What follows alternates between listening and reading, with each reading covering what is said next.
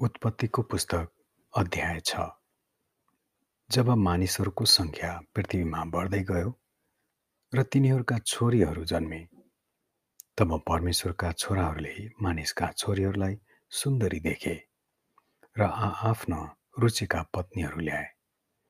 तब परमप्रभुले भन्नुभयो मेरो आत्माले मानिससँग सधैँ सङ्घर्ष गर्ने छैनन् किनभने त्यो मरणशील हो त्यसको उमेर एक सय बिस वर्षको हुनेछ।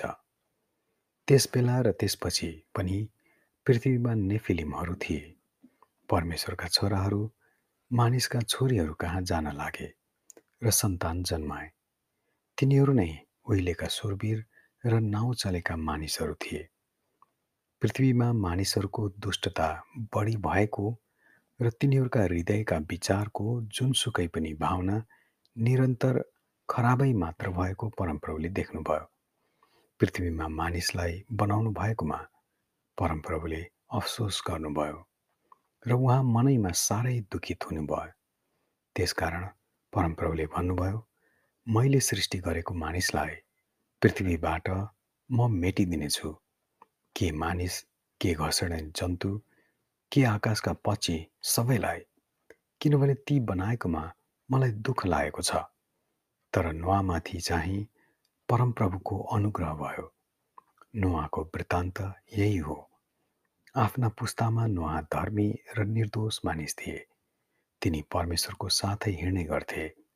नुहाका तिनजना छोराहरू जन्मे सेम हाम र एपेत। परमेश्वरको दृष्टिमा पृथ्वी भ्रष्ट भएको र उपद्रवले भरिएको थियो। जब परमेश्वरले पृथ्वीमाथि दृष्टि गर्नुभयो तब त्यो भ्रष्ट भएको देख्नुभयो। किनकि पृथ्वीमा भएका सबै मानिसहरूले आफ्ना चालचलन भ्रष्ट पारिसकेका थिए। यसकारण परमेश्वरले नुहालाई भन्नुभयो सबै मानिसहरूको अन्त्य गर्ने मैले अठोट गरेको छु। किनभने पृथ्वी तिनीहरूद्वारा उपद्रवले भरिएको छ। हेर म तिनीहरूलाई पृथ्वी समेत नाश गर्नेछु।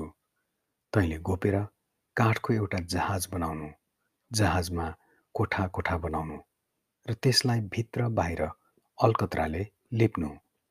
तैँले त्यो यसरी बनाउनु जहाजको लम्बाइ एक सय चालिस मिटर चौडाइ तेइस मिटर र उचाइ चौध मिटरको होस्।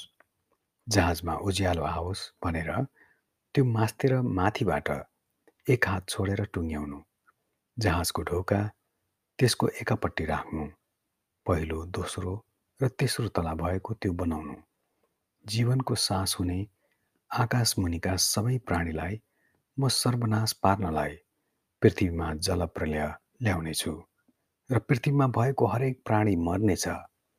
तर त चाहिँ म आफ्नो करार स्थापित गर्नेछु। त तेरा छोराहरू तेरी पत्नी र तेरा बुहारीहरू समेत जहाजमा आउनेछस्।